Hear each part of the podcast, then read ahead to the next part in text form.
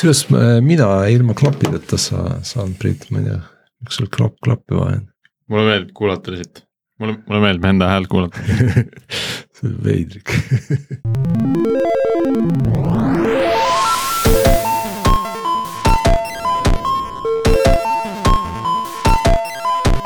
Tere taas Algorütmi lainelt, täna on kaheteistkümnes märts, mina olen Priit Liivak Nortalist ja koos minuga on stuudios Sergei Janikin Pipedrive'ist. Tänase episoodi teemaks oleme valinud Kafka. meie külaliseks oleme kutsunud stuudiosse Magnus Hiie Sixfoldist. tere tulemast Algorütmi. tere äh,, aitäh kutsumast ja hea meel olla siin. väga äge, äh, räägi endast paari lausega, millega sa tegeled ja milline su, milline su taust on, kus sa, kust sa üldse tuled? ma praegu olen äh, tehnoloogiajuht Sixfoldis, see on siis logistika infot vahendav startup. Ja taustaks on mul suuresti Skype, kus ma olin core tiimi juht ja arhitekt. Ja peale seda olen veel mõnes startup'is olnud, näiteks Teleport. Kas Sixfold on esimene, kus sa oled Kafkaga kokku puutunud või, või seda on juba varem ka ette tulnud? see oli esimene kord, ma olen varem kokku puutunud äh, teiste äh, logisüsteemidega, aga Kafka oli, oli jah, esimene kokkupuude oli Sixfoldis. enne kui me lähme väga tehniliste teemade juurde, äkki sa teed sellise, teeks ühe sellise vanaema testi? et äh, kui sa nüüd peaksid enda vanaemale selgitama seda, et mis asi see Kafka on ja, ja millega see üldse hakkama saab, et äh, siis kuidas, kuidas sa seda teeksid? kõige parem äh, analoog vist oleks äh, päevik ehk äh, see on selline süsteem, kuhu sa paned kirja kõik, mis äh, toimub äh,. sa kunagi ei muuda midagi, mis on juba kirja pandud, vaid ainult lisad juurde ja siis seda on tagantjärgi võimalik lugeda järjest. okei okay,, päevikust on asi tehniliselt ilmselt natukene siiski keerulisem, eks?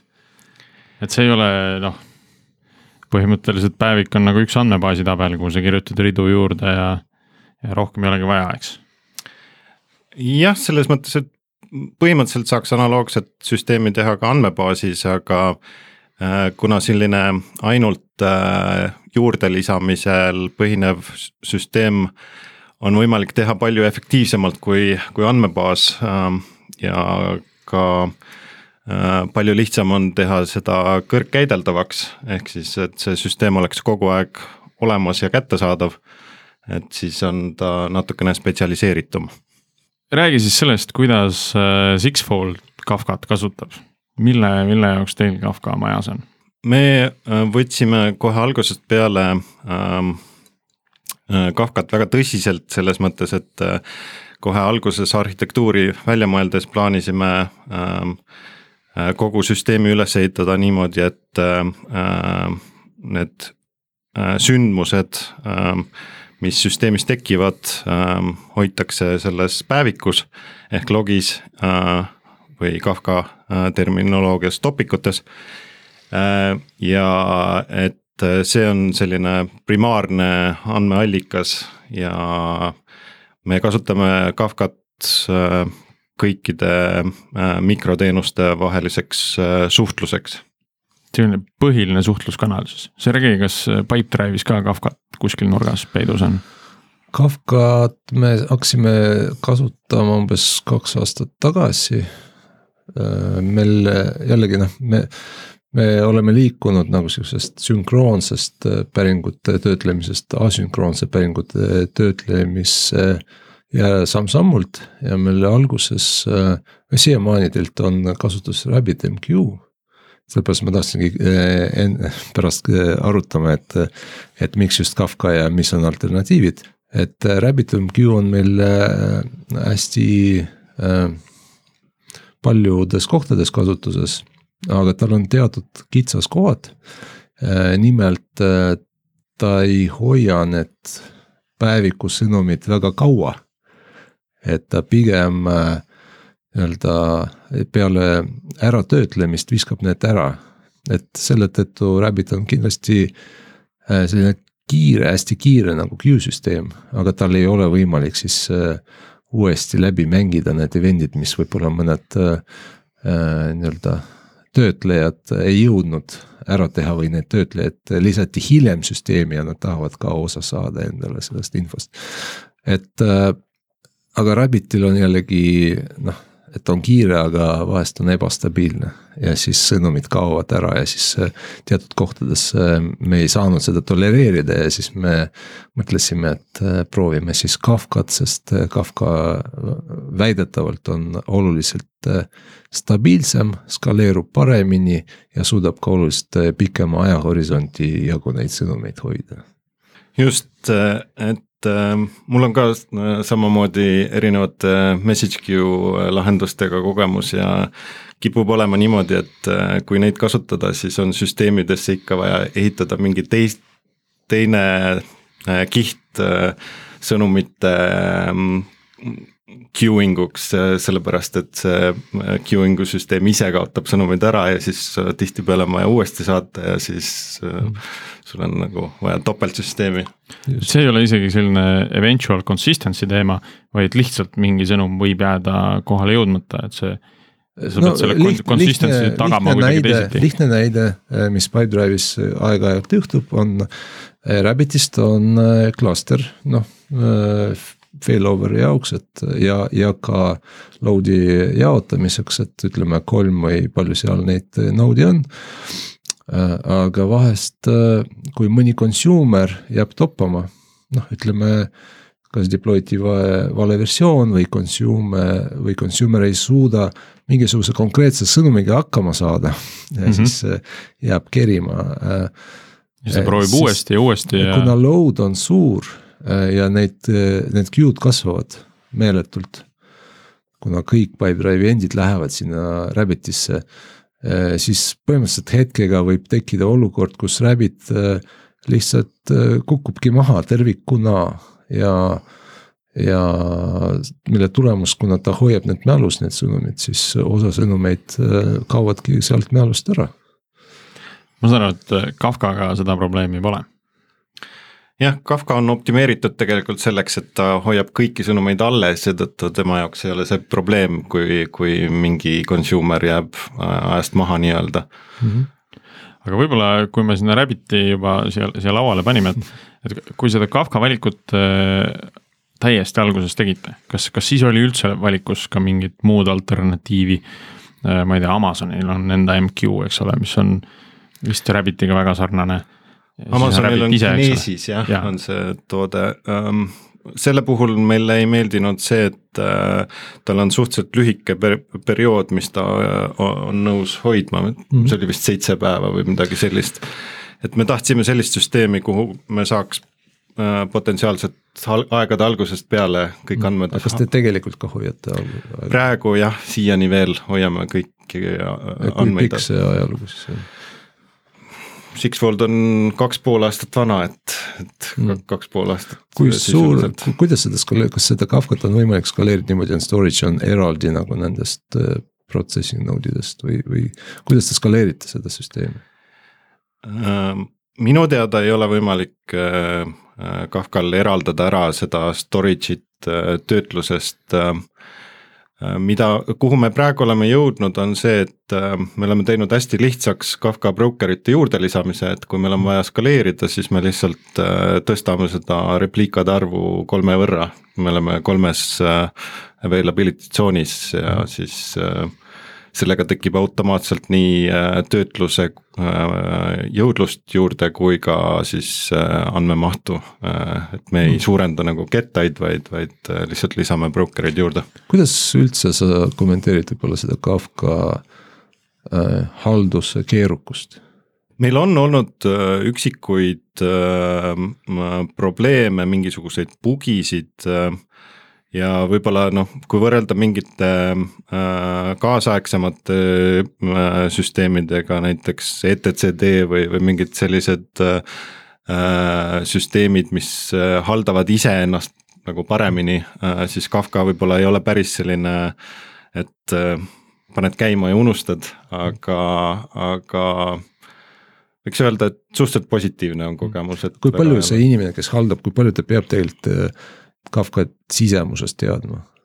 ilusa ilmaga päeval nii-öelda väga, väga palju ei pea, pea äh, teadma konfigureerimise jaoks, esmase konfigureerimise jaoks natukene peab teadma, et need õiged setting ud panna niimoodi, et mingit andmekadu ei, mingit andmekadu ei tekiks. aga see, kus me oleme läinud väga mm, kättpidi sinna sisemusse, on, on ikkagi see, kui mingi asi läheb katki ja mm., ja mhm. siis kas bugi tõttu või, või lihtsalt äh, selle tõttu, et mingid äh, broker'id on maha läinud või midagi, et mm. siis on vaja. Open source. jah, äh, ta on äh, selle Apache organisatsiooni üks äh, projektidest mm. -hmm. Ehk siis algselt arendatud äh, LinkedIni poolt ja, ja siis ta jõudis kuidagi sinna Apache Foundationi kätte ja alla ja täna no, ilmselt tegelikult... LinkedIn on selle open source inud äh, mingi hetk, äh, mis ma arvan aitas IT community, ITC community't päris kõvasti, sest see ikkagi on päris võimas tööriist, on ju, mida väga paljud kasutavad skaleerimiseks. ma küsiks veel nii, nii palju, et te host ite ju cloud'is seda, on ju jah, me host ime Kafkat ise Kubernetese peal Äh, kasutame äh, mingit open source projekti, kes äh, oli teinud esialgse konfiguratsiooni setup'i selle Kafka host imiseks Kubernetese peal, aga me oleme seda siis ise päris mm. korralikult modifitseerinud. Millise, millise cloud provider'i peal te siis olete, meil on selline poll ka, et hmm meie kasutame Google Cloudi äh, eelkõige sellepärast, et äh, siis, kui me alustasime Sixfoldiga, siis äh, neil oli kõige parem Kubernetese pakkumine. teised alles alustasid sel ajal mm. -hmm. tõenäoliselt vist siiamaani võiks olla neil kõige parem, arvestades, et nad on sellele arendusele kõige lähemal. üks, üks suuremaid contributor eid Kubernetese projekti tundub küll nii, kuigi mul otsest kogemust teiste äh, teistega ei ole. aga me tegelikult äh, ei ole väga palju rääkinud sellest äh, äh, sisust, et mis äh,, millega siis, millega Sixfold tegeleb, et mis laadi sõnumid seal liiguvad ja kui palju neid seal üldse liikumas on äh,. mis, mis andmeid te sealt läbi pumpate nii-öelda äh,? Sixfold tegeleb äh, äh veoautode GPS reaalaja andmete töötlemisega ja selle alusel siis äh, kaubasaadetiste ähm, staatuse määratlemisega. ja äh, põhilisteks andmeteks ongi meil siis need äh, veoauto asukoha uuendused, mida mm, on suurusjärgus mingi nelikümmend tuhat sõnumit minutis. kas sa mainisid reaalajas, kas see on päris reaalaeg või ikkagi mõned viited on sees? see jah, sõltub natukene sellest GPS-i teenuse pakkujast mm. -hmm. päris reaalajas see muidugi ei ole, et äh,. kui palju see, kui palju see üks auto saadab, et noh, et. keskmiselt ta... on äh, minut kuni mõni minut see intervall. okei okay., ja siis see fleet on nii suur, et tegelikult kokku tuleb siin üle, üle kuuesaja või ligi seitsesada sõnumit sekundis. jah aga kas, kas see lag, noh, ma saan aru, et seal on lag on ju, et, et kas see lag, kui palju see Kafka contribute'i või noh, panustab sinna lag'i nagu selle saatmise ja tegelikult visualiseerimise vahele. ja kui palju on nii-öelda muud asjad seal mängus see on huvitav küsimus ja me kunagi plaanisime seda mõõta, aga me ei ole isegi selleni jõudnud kunagi. igal juhul äh, see ei ole kunagi probleemiks olnud okay., et nähtavat viivitust seal ei ole sest äh, seda ilmselt on väga raske ka testida, et, et umbes helistad äh, veojuhile ja küsid, no kus sa oled ja siis vaatad kaardi peale, et tegelikult ta on hoopis kümme kilomeetrit maas tema tegelikkusest asukohast. praegu selle Sixfoldi noh, business case'i põhjal, mis sa, mis sa rääkisid, millega te tegelete, on, on üsna ilmne see, et, et Kafka tasub ennast ära, et seal see, te tahate saada nii-öelda event'ide voogu event'id tulevad iga masina pealt iga minut, eks ole, võib-olla tahate sealt tagasi mängida või mingi, mingist ajahetkest nii-öelda uuesti mängida neid sündmusi, et näha, kus, kus ta siis täpselt liikus ja mis selle sõidukiga juhtus. aga kas sa oskad tuua nagu mingeid selliseid üldistatud karakteristikuid välja, et milline see süsteem peaks olema selleks, et Kafkat kasutada? et no kas me räägime siin tõesti neljakümnest tuhandest sõnumist minutis või, või on ka, ma ei tea, sihuke sada sõnumit minutis täitsa okei okay Kafka peale kolida Sixfoldi äh, see case oli selles mõttes muidugi Kafka jaoks täiesti ideaalne, et mm. kui me alustasime, siis meil ei olnud isegi ühtegi kasutajaliidest, kus oleks mingisuguseid tegevusi, et me puhtalt äh, opereerisime sissetulevate andmevoogudega ja siis äh, saatsime vastu teise andmevoo, et mm. see oli täiesti ideaalne Kafka. eks seal ei olnud ootust, et see vastus tuleb millisekunditega, et tegelikult te saite selle täiesti asünkroonseks ajada. ja nagu me kõik teame, asünkroonne süsteem skaleerub või seda on palju lihtsam skaleeruda sest äh, sa vahepeal lihtsalt lased äh, natuke pikema äh, ajaviite sisse ja töötled nii, kui sa jaksad, on ju, et, et. just ja meil alguses isegi olid mõned liidesed mikroteenuste vahel, mis olid REST-il baseeruvad või noh, mõned on siiani praegu isegi, aga, aga me oleme jooksvalt neid vähendanud ja kõik Kafka peale viinud ja selle äh, REST interface idega oli, oli just see, see skaleerumise äh, mure, et. ehk võib-olla üks vastus ongi see, et kui sul vastamisega aega on, aga ressurssi vähe, kasuta Kafkat mm. -hmm. kas, äh, kui ma nüüd siin lugesin Kafka kohta eile ilmselgelt hoopis äh, rohkem, kui ma senimaani teadsin. Äh, siis üks huvitav küsimus käis läbi, et äh, selline, et kui sa, kui sa peaksid ületama teed, kas sa teeksid seda siis info pealt, mis on viis minutit vana. et noh, et sa nagu paned silmad kinni ja tead, et viis minutit tagasi ei tulnud ühtegi autot, et kas sa siis lähed üle tee. Et see on vist selline Kafka nagu reaalsus, et, et sa kunagi ei tea nagu, mis hetkel see sündmus tekkis, et see ei, see ei tekkinud nagu just praegu, vaid see tekkis ikkagi mõni aeg tagasi. -hmm. see, see nõuab äh, äh, teatud äh, oskusi või teatud nagu lähe, lähenemist äh, süsteemide arendamisel, et sa ei saa eeldada, et kui ühe süsteemi otsas midagi on juhtunud, siis kõik ülejäänud süsteemi otsad noh, koheselt saavad sellest teada, et, et. et kuna see viite, viide on sisse programmeeritud, siis sa pead sellega arvestama, et selle, sellega on palju, päris palju nagu vigu on ka süsteemides tehtud, kus eeldatakse, et. et andmed on juba kohal mm -hmm. uuendad, uuendatud, aga tegelikult neid ei, veel ei ole.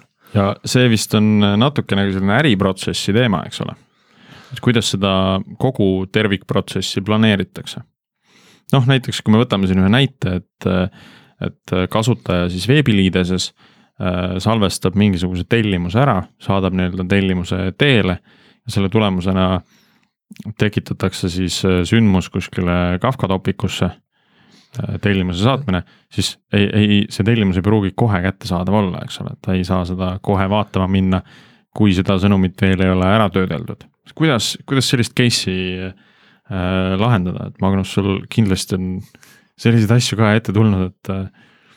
et justkui nagu tahaks kohe seda, sedasama tulemust näha kuskil veebis või näidata kasutajale, et. et ta saadab ära ja siis läheb listi vaatama, et ei kurat, ei tulnudki, et ma lähen saadan uuesti meil kusjuures äh, on äh, nüüdseks ka kasutajaliidese tegevused äh, viidud Kafka peale niimoodi, et kui kasutaja midagi Äh, kasutajaliideses teeb äh, ja vajutab siis seda okei okay nuppu äh, või mis iganes tegevuse nuppu, siis loomulikult peale seda nupuvajutust ta tahab näha ka, et see tegevus päriselt ära tehti või, või neid and-, uuendatud andmeid.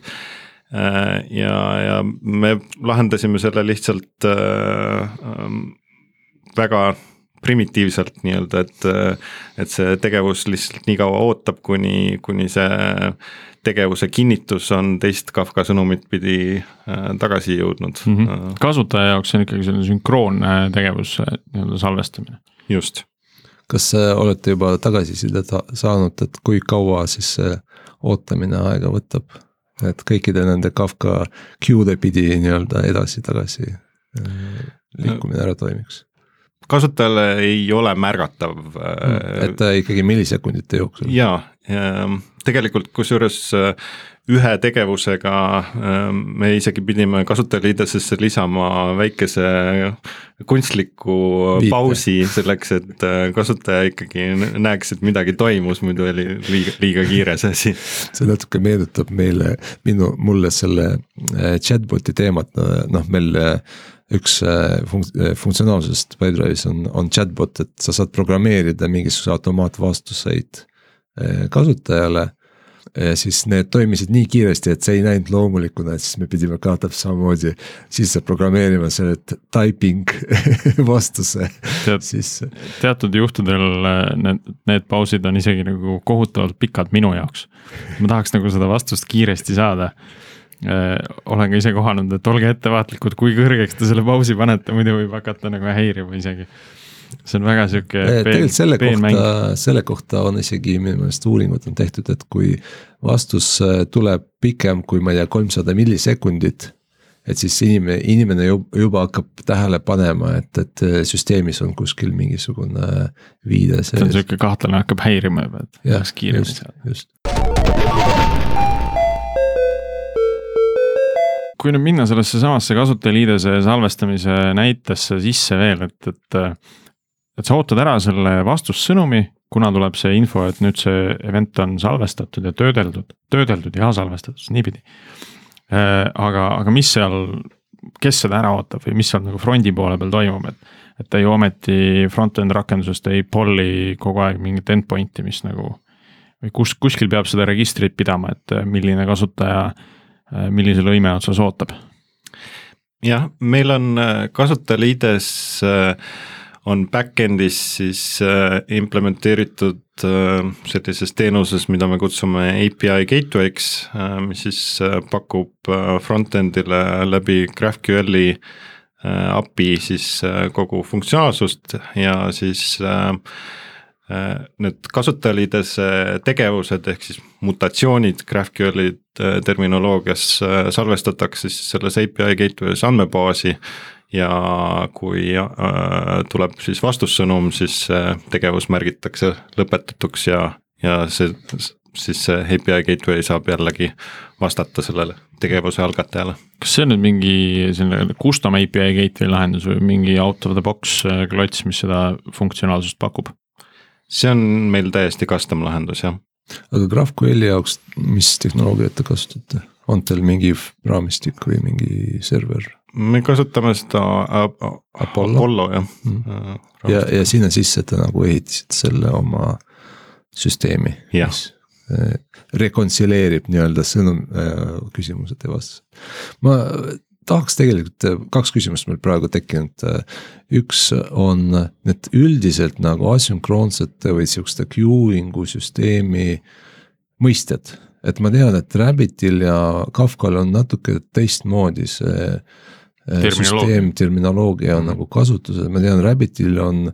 on äh, exchange on üks olulisel kohal, kus nagu Rabbit ise teeb nii-öelda sõnumite routing ut, kus sa saad nagu natuke kirjeldada ka, aga, aga, aga mitte väga palju. kas Kafkal on midagi sarnast või seal on teist, teistmoodi see routing äh, käib, et kes, kes otsustab, kes millist sõnumit saab?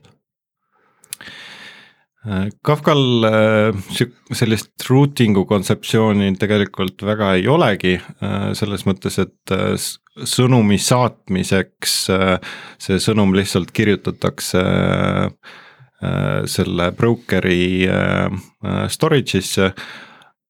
ja siis iga consumer ise sisuliselt peab arvet kus ta selle logi äh, lugemisega on äh,, see on siis äh, lihtsalt üks täisarv äh,, mida kutsutakse offset'iks, mida siis iga consumer äh, aga äh, Kafka, Kafkal on ikkagi, on ju mitu erinevat striimi neid logisid, on ju. et üks server, üks broker, sa saad sinna kirjutada erineva tüüpi või erineva nagu sisuga sõnumeid.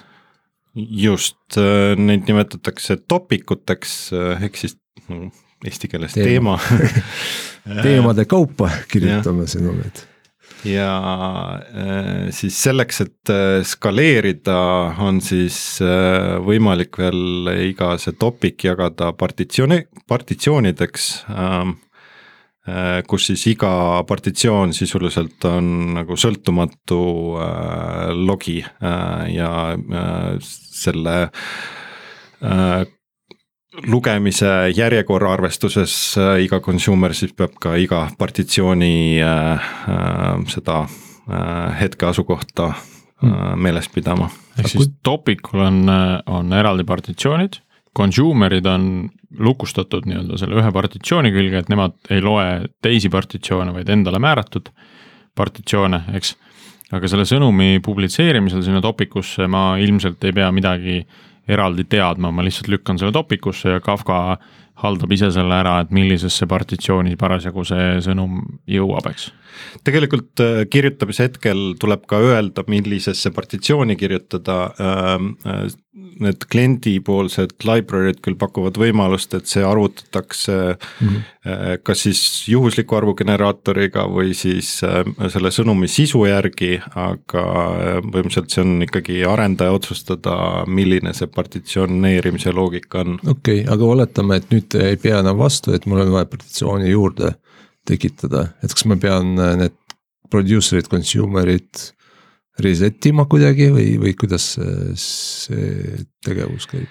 see on selline asi, mida meie ausalt öeldes ei ole veel ära lahendanud. Ähm, see tundub väga hirmus probleem ja seetõttu me alustasime hästi suure partitsioonide arvuga. et loodetavasti meil ei ole kunagi vaja seda, seda ümberpartitsioneerimist teha. kui, kui meie kuulajad on sama mure otsas, et siis mis see hästi suur partitsioonide number on? me võtsime ümmarguse numbri sada ma mõtlesin ümmargune number. Eh, sada kakskümmend kaheksa. ei, tuhat kakskümmend neli. lausa nii kõrge ei no selles mõttes, et ikkagi bitide ja. mis need, mis need plussid ja miinused on, et noh, et kui nüüd, miks sinna ei võikski panna tuhat kakskümmend neli ja siis eh, elada üsna, üsna suures rahus sellega, et eh, kindlasti seda pole vaja ümber partitsioneerida. kas siis see tähendab, et mul peab olema tuhat kakskümmend neli consumer'it ka? jah, kuigi seal nende consumer ite haldus iseenesest ei ole väga keeruline või noh, see Kafka äh, kliendi library teeb selle mm. consumer ite äh, määramise või consumer itele partitsioon, partitsioonide määramise automaatselt ära küll aga on sellega seotud äh, jõudlusküsimused, äh, et iga selle partitsiooni haldamiseks kulub nii producer'il kui ka consumer'il kui ka broker'il mm. mingi hulk protsessori ressurssi mitme host'i peal teil praegu see Kafka jookseb? meil on praegu kaksteist brokerit. broker on siis per host jah? Äh, see, see on jah, siis äh, see Kafka, Kafka server nii-öelda jah. Mm -hmm.. kaksteist ja siis äh, ühe peal jookseb kuus või seitse partitsiooni. või palju, palju, et, et ühesõnaga sul brokeri peale siis mitu partitsiooni sisuliselt? umbes nii jah aga meil on need, küll aga need brokerid ka hästi palju, et. jaa, aga brokerid te saate juurde panna, et see ei ole probleem, et ta ise nagu ja, jaotab need proportsioonid seal.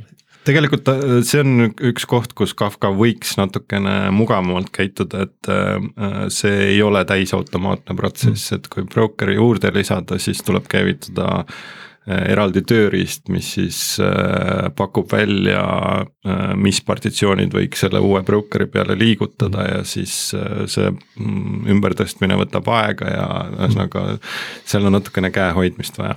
okei okay., et kui paljuski Kafka nii-öelda paberi peal tundub selline maagiline hõbekuul, mis kõik probleemid ära lahendab, pistad sisse ja perform ib fantastiliselt hästi.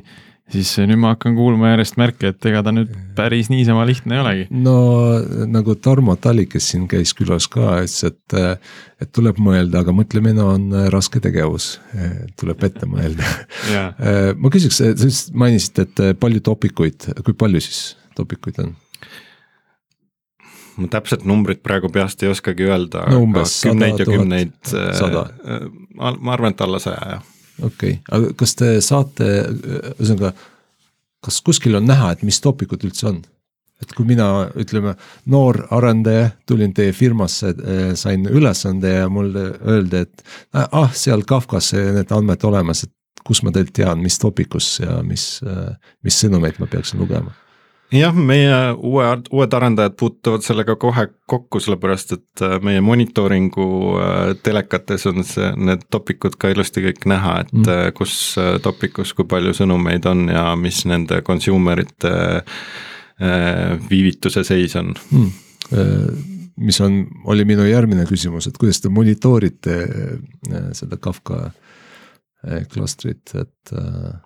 jah, meil on põhiline meetrika, mida me monitoorime üldse kogu süsteemis, äh, on Kafka äh, consumer ite äh, viivitused, kuna meil peaaegu kõik käib läbi Kafka, et siis kui consumer'id on järje peal, siis tõenäoliselt süsteem kõik töötab hästi aga millega te monitoorite seda? Meil on äh, päris mitu komponenti selle monitooringu jaoks, aga äh, asja keskel on äh, Prometheus mm -hmm. ja siis. kas tal on mingi plugin Kafka jaoks, mis lihtsalt saadab need kõik andmed Prometheusi? jah, neid Prometheuse terminoloogias neid kutsutakse eksporteriteks ja mm. neid eksportereid tegelikult on isegi mitu, mille, mis Kafkaga tegelevad, et üks näiteks äh, annab Kafka siseelust äh, informatsiooni ja üks on äh, nende offset'ide monitoorimiseks, et äh,. et kui kaugel consumer'id oma lugemise ja kirjutamisega on? just. oota, aga nende termo-, terminoloogia juurde tagasi, et, et sul ühe topiku peal võib päris mitu consumer'it olla, on ju, ja igal ühel on oma offset sisuliselt jah, äh, need äh, consumer'id või äh, Kafka terminoloogias isegi consumer grupid, kuna mm. üks consumer on nii-öelda see, jah, instance, siis igal consumer grupil on oma nimi ja seetõttu monitooringus on ka meil siis võimalik näha, et see topic ja see consumer grupp, et. üks asi, mis mul Kafka puhul kohe üsna-üsna ammu juba silma jäi, oli, see, et, et sa saad ka äh, Äh, jälgida nii-öelda wildcard'iga topikuid. et sa saad äh, põhimõtteliselt siis äh, mitut topikut korraga jälgida. ja siis sealt saada ühe consumer'iga neid, neid sõnumeid, et siis kirjutadki mingi topiku nime alguse, punkt tärn ja, ja tuleb nagu kõik, mis, mis sinna alla alamtopikutesse veel kuuluvad hiljem ma sain selgeks, et tegelikult sedasama asja saab ka RabbitMQ-s teha exchange idega, eks mm. -hmm. Et ähm, et kas, kas see on ka funktsionaalsus, mida olete Sixfoldis ära kasutanud? ei ole, ma ausalt öeldes ei teadnudki, et selline võimalus olemas on. mina, mina kuulsin seda peamiselt äh, selle kaudu, et äh, äh, noh, kui me räägime tavalisest sellisest messaging ust, inimestevahelisest sõnumi, sõnumite saat-, saatmisest.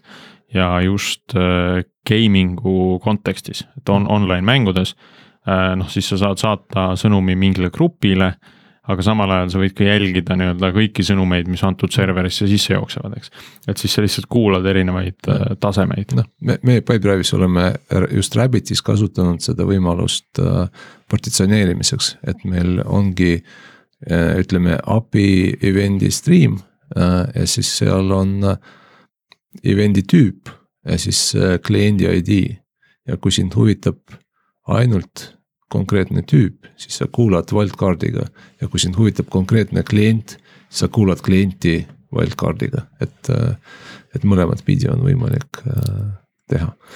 Kui palju, noh, see eeldab juba päris korralikku sellist äh, disaini nagu seal taga, et läbimõtlemist, et millised need äh, noh, Rabbiti puhul need exchange'i nimed siis on, eks, ja Kafka puhul siis millised need topic'ud on, et kui palju sellesse olete aega investeerinud ja kui palju sellega puusse olete pannud, et hiljem nagu aru saanud, et tegelikult võiks neid asju veidi teistmoodi nimetada? Ehm, me oleme mõelnud selle peale päris üksjagu ja tihtipeale ka ümber mõelnud ehm, ja apsakaid on ikkagi päris üksjagu tehtud, äh, et äh, eelkõige on siis äh, küsimus selles, et millised sõnumid panna ühte ja samasse topikusse ja millised peaksid ikkagi lahus olema. et võib-olla topikute nimetamise küsimus on selline teisejärguline, et see on selline mm -hmm. tüüpiline tarkvaraarenduse küsimus, et kuidas häid nimesid panna, aga see, äh. see on küsimus, mille peale kulub kõige rohkem aega aga jah, see, ähm, äh, see, milliseid sõnumeid panna samasse topikusse, see on siis äh, eelkõige küsimus sellest, et kus peab olema garanteeritud õige järjestatus mm. ja sellel kahjuks selliseid väga häid silver bullet. kas Kafka garanteerib siis järjekorda? Kafka garanteerib järjekorra ühe topiku ühe partitsiooni kontekstis. Et äh, kui, kui on isegi kasvõi sama topik, aga, aga see näiteks kliendi ID, mille alusel siis partitsioneerimine äh, toimub, äh, on erinev, siis nende lõikes see järjestus tuleb suvaline. Hmm. kas teil on olnud ka selliseid ülesandeid, kus on vaja striimi pealt agregeerimist teha. Ehk siis Kafka striimi kasutada, sa mõtled, kus neid event'e siis äh, in-flight töödeldakse mingit moodi? meil on öö, äh, otseselt sellist äh, striimi töötlust ei ole, aga öö, põhimõtteliselt iga mikroteenus salvestab sisse tulevad sõnumid või osa sellest oma andmebaasi ja siis mm. kasutab seda andmebaasi selleks nii-öelda puhvriks, kus siis töötlus käib mm. -hmm. Aa, et, et põhimõtteliselt see esimene samm on, on see sõnumi baasi salvestamine, siis antakse põhimõtteliselt Kafkale äkk tagasi, et see sõnum on töödeldud. ja, ja siis see mikroteenus ise edasi asünkroonselt töötleb seda baasis olevat queue'd nii-öelda. jah, meil on tegelikult see töötlus jagatud äh, kaheks etapiks, et äh, on sünkroonne töötlus, äh, siis see andmebaasi salvestamine pluss siis mingisugune äh, äriloogika, mida saab sünkroonselt teha ja, ja siis äh, kõik pikemaajalised tegevused, näiteks väliste partneritega suhtlus või, või mm. sellised asjad siis töötavad asünkroonselt kus siis selle tegevuse staatust jälgitakse andmebaasi tabelite abil Mhm. aga ikkagi partneriga töötlemise jaoks on eraldi topik jah, kuigi me oleme jõudnud sinna, sinnani, kus ähm, me tegelikult väldime äh, topikute kasutamist selliste partneritega suhtlemiseks, sellepärast et äh, see on selline all or nothing äh, mm, mudel, kus, kui üks näiteks partner jääb seisma või annab, annab vea, mm. eks ole, ja äh, me tahame seda tegevust korrata, siis ka teised sõnumid ootavad selle, selle taga. aga topic per partner ja siis saaks wildcard'e kasutada me leidsime, et siis on juba lihtsam seal yeah, andmebaasis seda, seda teha. aga selline, selline baasimise, tampimise pattern tundub olevat üsna, üsna levinud. Äh, ja seda ma olen ka nii-öelda varasemalt lugedes ja erinevaid videosid vaadates olen kuulnud ja näinud rohkemgi veel, et äh, tundub olevat selline hästi tavaline, et noh, et kõigepealt me antud mikroteenuse piires salvestame selle asja ära, äh, paneme baasi, paneme sinna mingi staatuse külge, hiljem hakkame töötlema ja isegi kui see töötlus äh, seal ebaõnnestub, siis saab baasis seda staatust muuta ja selle nii-öelda uuesti sinna queue lõppu, eks ole, visata et, et see replay oleks nagu võimalikult lihtne, et. tegelikult ka genereerimisel on omaette pattern olemas, kus, kui sa tahad mingisuguse äritegevuse jooksul ka genereerida mingi event'i teiste süsteemide jaoks, siis sa teed baasi eraldi queue tabeli. siis sa teed oma muudatused baasi ja samuti sa paned sinna baasi queue tabelisse oma sõnumi ära ja siis eraldi mingisugune äh, nii-öelda producer võtab sealt queue'st ja saadab ära. ja ma räägin, miks see on oluline, sest me räägime, kui me räägime transaktsionaalsusest süsteemides siis baasis sa saad kõik ühe commit'iga ära teha, kui sul on kaks eraldi süsteemi. noh, ja mingisugune kolmas nii-öelda rake-, rakenduse süsteem üritab kahte süsteemi kirjutada, siis võib juhtuda, et ühte sa said mm -hmm. kirjutada ja teise Just. ei saanud, on ju. et, et siis sa ei, ei suuda seda transaktsionaalsust tagada mm. -hmm. aga no sellisel juhul siis pannaksegi sinna queue tabelisse kaks, kaks kirjet. üks siis mõlema mõlema nii-öelda sihtkoha jaoks, mõlema event'i jaoks, eks. pärast see asünkroonne protsess saadab nad mõlemasse siis eraldi no, välja. on võimalik jah, selles mõttes, kui sul on täiesti event äh, sourcing'u pattern'i järgi tehtud, siis sul kõik süsteemid tegelikult kõigepealt saadavad queue'sse ja sealt juba protsessivad ja panevad andmebaasi. tihti, kui sul on juba olemasolev süsteem ja sa saad sinna, tahad sinna külge ehitada asünkroonse äh, nii-öelda töötlemise, siis äh, noh, sul on valida, kas sa kirjutad täielikult oma algsüsteemi ümber event sourcing'u peale või sa kasutad selle pattern'i, kus mm -hmm. sul on äh, queue tabel baasis. Kafkal on, on kusjuures olemas ka täiendav komponent selle jaoks, Kafka Connect. millel, mis siis jagunebki kaheks, et üks on Kafka Connect Sync, mis siis on eelkõige selle jaoks, et äh, mingisugusest, kas siis topikust või mingisugusest äh, Kafka allikast sõnumid ja sündmused tampida andmebaasi ja teine on siis nii-öelda teistpidi, äh, mis siis võimaldab muuhulgas ka andmebaasis äh, juhtuvaid sündmusi äh, muundada nii-öelda Kafka event ideks. Mhm. noh, ta ei ole, ta ei ole ainu, ainult mõeldud küll andmebaasi jaoks, et ta on mõeldud ka ükskõik mingisugune indeks uueneb kuskil või noh, suvalist allikat saad kasutada nii-öelda sisendina selle jaoks. Mhm. no meil Pipedrive'is tegelikult on äh, on kasutusel, kuidas üldse me jõudsime nagu Kafka kasutus, kasutamiseni, oligi see, et me tahtsime, meil on olnud osa süsteeme, kellel oli vaja teada kõikidest kliendi muudatustest, andmete muudatustest. noh, näiteks otsingusüsteem, mis on asünkroonne aga tal on vaja teada kõikidest nagu objekti andmemuudatustest, et, et uuesti reindekseerida need objektid.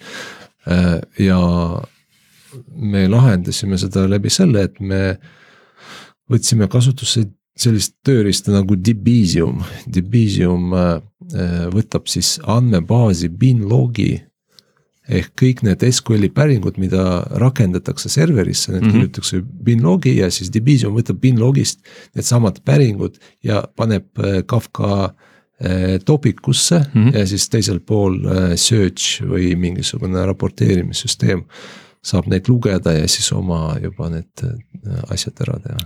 Magnus, sa siin noogutasid, sul oli äratundmine, oled tuttav selle vahendiga?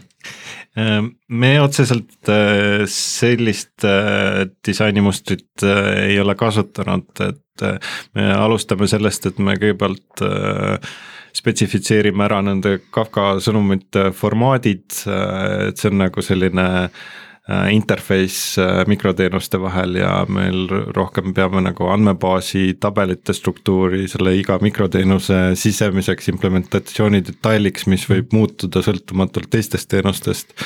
seetõttu ma ei tahtnud otseselt kasutada selliseid äh, andmebaasi konnektoreid. ja, ja no ongi, et, et sõltub sellest, kust sa alustad, kas sul on juba süsteem, mida kümme aastat arendatud ja nüüd sul on uued nõudmised või, või sa alustad nullist ja siis sul on võimalik äh, re-, mängureeglid nii-öelda ise defineerida. just, meil oli see eelis, et me saime nullist teha. aga sa mainisid ühte huvitavat asja, et, et te defineerite need sõnumi äh, formaadid ja struktuurid ette ära, kas te kasutate mingisugust vahendit selle jaoks või see on lihtsalt paberil kuskil kokkuleppena kirjas?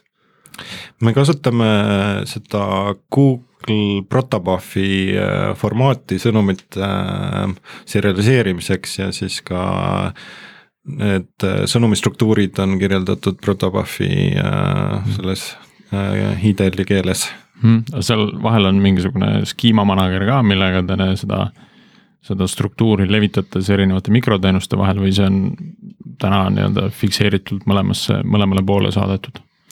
Me eraldi äh, mingisugust runtime komponenti skeemade hoidmiseks ei kasuta. need sõnumi kirjeldused lingitakse staatiliselt nagu library'na lihtsalt kõikidesse mikroteenustesse no ma eeldan, et teil on siis kõik teenused kirjutatud ühes konkreetses keeles. Jah, me kasutame TypeScripti kõikide teenuste jaoks, äh, kuigi kuna Protobuf tegelikult toetab kõiki tuntumaid keeli, siis ma ei näe ka probleemi selles, kui, kui me peaksime mingit muud keelt tahtma kasutada.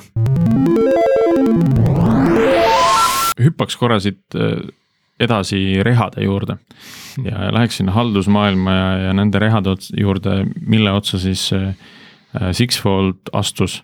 Ja millised on üldse need rehad, mille otsa inimesed tavaliselt astuvad, kui mina äh, alustava startup'ina tahan äh, panna püsti Kafka klastrit äh,. võtan paar entusiastlikku arendajat, kes äh, tõmbavad äh, nii-öelda out of the box Kafka kuskilt veebist alla, panevad sinna näiteks EC2 masinatesse püsti. ütleb, käib, jess, korras, ärme rohkem puutu. millised asjad on siis tõenäoliselt selles paigalduses valesti?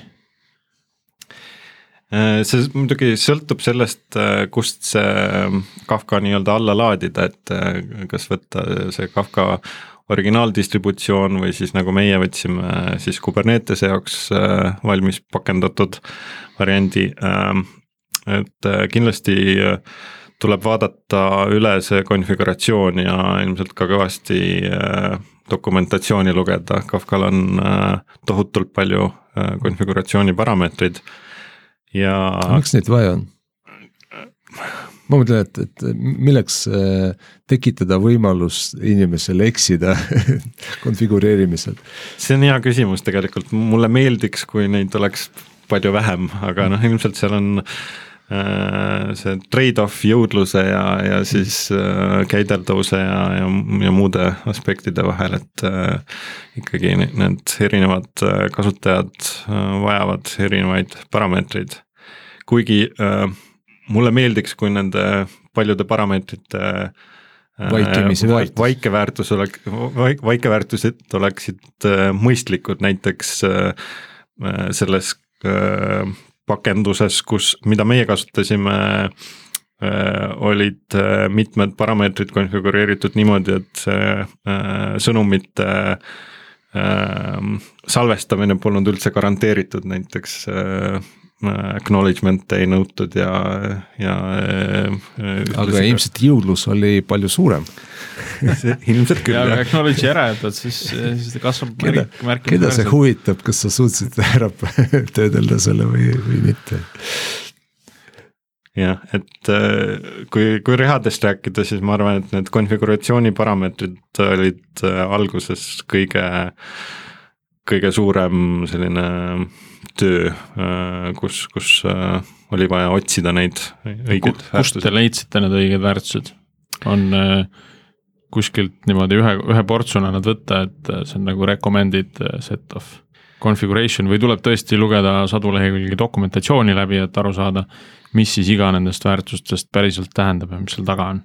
võimalik, et praeguseks on juba olemas äh, mingisugune äh, materjal, kust saab äh, tervikliku paketi kõikidest konfiguratsiooni väärtustest, aga meie ikkagi suuresti pidime dokumentatsiooni lugema Äh, aga paned, panite kirja ka, miks mingi väärtus on selline, nagu ta on teie jaoks? või lihtsalt muutsite ära ja. äkki teete väikse open source'i või blogiposti, mille me saame siin kuulajatega jagada, et nad ei pea seda tööd tegema ise?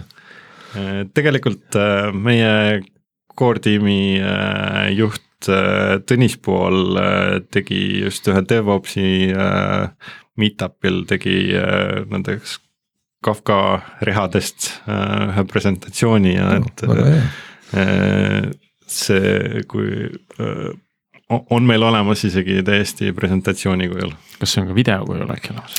kahjuks äh, juhtus äh, selle meetup'i ajal tehniline äpardus ja seda videot äh, ei ole võimalik äh, näha enam. karm saatuse käsi ähm,.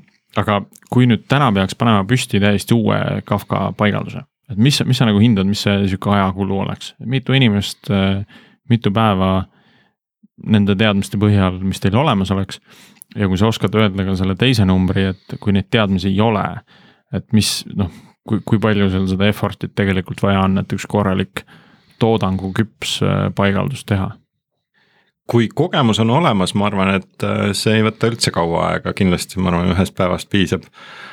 aga äh, kui kogemust ei ole, siis ähm, sellele küsimusele on natuke raskem vastata et.... kas tasub arvestada nädala või paari kuuga või, või noh, et äh, nädalaga soovitaks kindlasti arvestada, et sealt edasi see ilmselt sõltub lugemise kiirusest ja. ja siis edasi tuleb järgmise poole aasta jooksul arvestada, et juhtub apsakaid, mis panevad kahe käega peast kinni hoidma ja mõtlema, et mis asi see nüüd on ma usun tegelikult, et tänas, tänaseks päevaks on juba neid äh, blogiartikleid ka tekkinud, äh, mis, mis aitavad neid äh, võib-olla kõige suuremaid rehasid vältida. ehk ei teki väga, väga suuri. Paar, paar sihukest huvi, huvi, huviküsimust, küsimus, et kui palju üldse Eestis siukseid Kafka eksperte on, tead sa? kas sa tead neid nimepidi, oled suhelnud kellegiga või, või igaüks nokitseb nii-öelda ise? ausalt öeldes ma peale Pipedrive'i ei teagi, kes, kes veel Kafka, Kafkat kasutab, et äh, ei ole väga kokku puutunud. ega mina ka ei tea, sellepärast ma küsisin no meil on ka siin ja seal, aga ütleme, need paigaldused on pisikesed pigem, et ma ei saa nagu sellistest mahtudest kindlasti rääkida Äh, ja, ja noh, kui, kui, äh, kui mahud on pisemad, siis ka tegelikult see halduskeerukus ju äh, noh, väheneb, et, et sealt ei paista nii selgelt mingid probleemid välja mm. et kui läheb kaduma, siis võib-olla kaob ära nagu väike hulk sõnumeid, mitte nagu kümme tuhat sõnumit, on ju.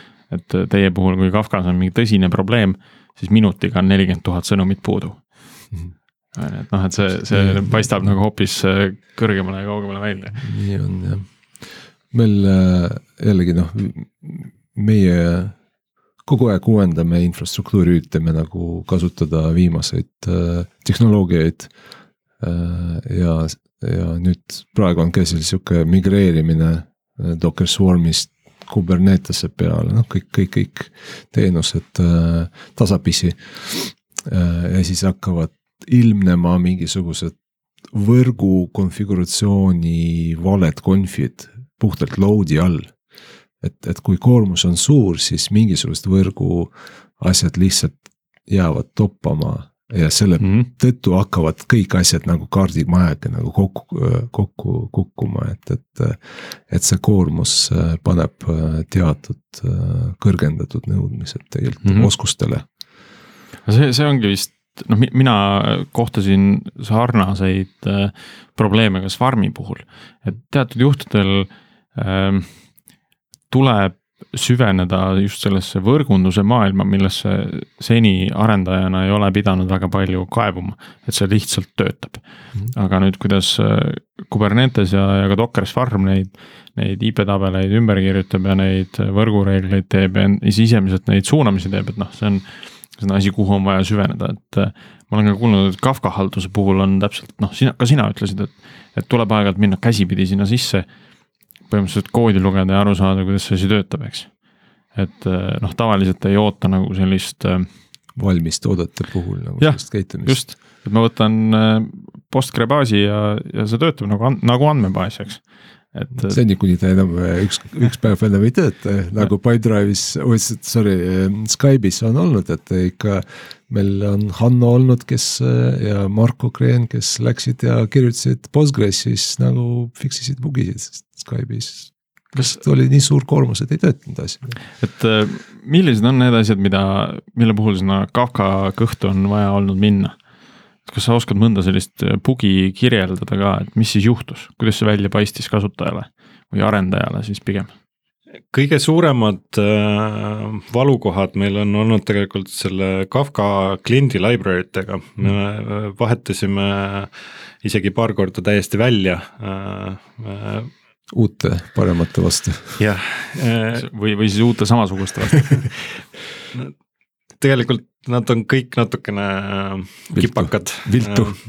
paraku Kafkal on äh, palju seda keerukust on kliendi poole peal mm.. see broker ise on suhteliselt rumal isegi võib öelda et suur osa sellest loogikast tehakse kliendi poole peal ja seetõttu need ähm, kuna, kuna, kuna kliendid sisuliselt peavad olema implementeeritud kõikides erinevates keeltes. siis igaüks teeb seda omamoodi. just ja, ja mm, Kafka autorite poolt äh, loodud äh, ettevõte Confluent küll pakub äh, selliseid nii-öelda sertifitseeritud või ametlikke kliente. kas need on raha eest? Ei, ei. ole, need on kõik open source. aga isegi nendel on, on, on teatud puudused. ja ähm, kas oskad võib-olla veel mingisuguseid äh, lihtsalt võtmesõnu või nime, toote nimesid äh, visata õhku, et äh, mida inimestel tasuks vaadata, nii-öelda Kafka ökosüsteem, et äh,. et mis äh, huvitavad asjad seal on, mida lihtsustavad nii-öelda kasu-, Kafka kasutamist ühesõnaga teie kasutate sihuke vanilla ja roo ja, ja et. Äh, et mingeid pluginaid, noh, ma saan aru, et see eksporter äh, Prometheusi jaoks äh,. äh kas midagi veel? igasuguseid tööriistasid näiteks partitsioonide määramiseks mm. ja see üldse Kafka halduseks on, on päris mitmeid, aga ma ei tea ükski neist ei, ei, ei, ei, äh, paista niimoodi välja, et siin mm. võib-olla nimetada tasub. kui võtta need tööriistad, seda, sedasama noh, partitsioonide määramise äh, juppi, siis mille peal need töötavad, kas nad kasutavad seda Kafka management API-d, et, et neid partitsioone ringi timmida või, või nad lähevad nagu veel sügavamale sinna Kafka õhtu ja kirjutavad päriselt mingeid, tõstavad faile kuskile teise kohta Äh, osad tööriistad jah, kasutavad seda Kafka admin API-d äh, või, või siis äh, neid broker'i API-sid. aga osad tööriistad ka äh, opereerivad otse siis äh, selle Kafka konfiguratsiooniga, mida hoitakse Zookeeperi serveris. et äh, Kafka broker'id äh, hoiavad kogu oma seda omavahelist äh, koordineerimise inform-, informatsiooni hoiavad siis Zookeeperis, mis on selline äh, kõrgkäideldav konfiguratsiooni hoidla. Zookeeper on, on vist see asi, mis paned käima ja ta töötab, nii palju, kui ma olen kuulnud. Et sellega probleeme ei ole, nagu Kubernetese puhul on see etcd, millega kõigil on probleeme Zookeeper on selline üsna stabiilne asi vist. meil vist mingisuguseid probleeme kunagi oli, aga. no need tunduvad, tunduvad olevat nii väikesed, et Just. ei tule isegi meelde et äh, üldiselt jah, äh, Zookeeper on meil üsna äh, probleemivabalt töötanud. kui sa saaksid veel anda nüüd meie episoodi lõppu siin ühe, ühe sellise eriti magusa soovituse kõigile kuulajatele, mis on Kafkaga seotud. et mille kohta see siis oleks? et mis on need, mis on see kuldreegel või top mõte, mida Kafka kasutamise puhul peab äh, teadma või silmas pidama? ma arvan, et äh, nagu ma enne ka mainisin, see konfiguratsiooni parameetrite äh, õiged väärtused on, on äh, üks, üks kõige olulisem asi paika saada. ehk et... RTFM yeah.. Read the fucking manual. jah nagu, nagu paljude keeruliste tükkide puhul. see on see võtmekoht, et sinna kindlasti tasub oma aega investeerida. kas, kas see on ka kuidagi äh, teenusena sisseostetav äh, oskus? et on, on neid teenusepakkujaid no.? no ma saan aru, et see Confluent e ongi nagu selle peale ehitatud, et äh, nad pakuvad konsultatsiooni. jah, nad ongi konsultatsiooniettevõte ja ähm, me isegi rääkisime nendega, aga otsustasime mitte nende teenuseid äh, kasutada, nende äh, hinnalipik äh, hakkas vähemalt tookord natuke kõrgemalt, kui me olime valmis maksma. okei okay., et sellega tasub ettevaatlik olla siis. noh, selles mõttes Eesti talupoja mõistus käib, ma arvan, üle Kafka Kafka setting utest ka. jaa et kui, kui aega on, siis miks mitte, eks, kui on kiire, siis, siis maksad raha. nii, nii ta on no alati. nii kiire ka ei ole ju no oleneb, mis see hind oli seal. Eestis vaata lumi tuleb maha ja istud, võtad. metsamajakeses ja just. kirjutad või loed seda Kafka põhiline internetiühendus oleks, et saaks Google'isse selle ära paigaldada okei okay,, aga tõmbame siin äh, meie tänasele episoodile joone alla. Äh, aitäh sulle tulemast, oli väga põnev, mul on selline tunne, et äh, Kafkast me räägime kas ühte või teist viisi millalgi kindlasti veel. ma arvan, et üldse see asünkroonne nii-öelda süsteemide, asünkroonsete süsteemide arendus on hästi põnev teema. kindlasti aitab skaleeruda ilmselt relevantne on rohkem nendele firmadele, kus on hästi palju andmeid või suured load'id. mis ongi kõige põnevamad probleemid ilmselt äh, arendajatele mm. -hmm. nii mhm. et räägime kindlasti veel.